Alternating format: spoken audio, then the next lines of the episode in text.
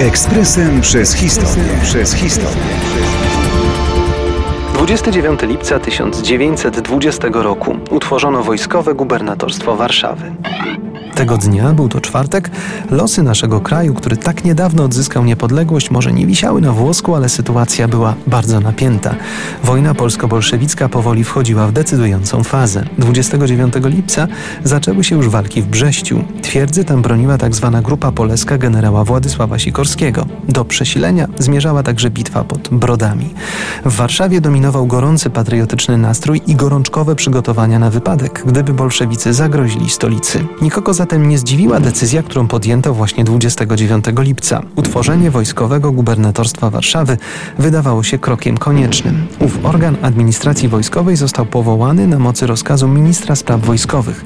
Wówczas tę rolę pełnił generał Józef Leśniewski, będący jednocześnie członkiem Rady Obrony Państwa. Trudną funkcję wojskowego gubernatora Warszawy objął z inicjatywy Piłsudskiego generał Franciszek Latinik, będący także dowódcą pierwszej armii broniącej stolicy. Latinik miał niełatwe zadanie.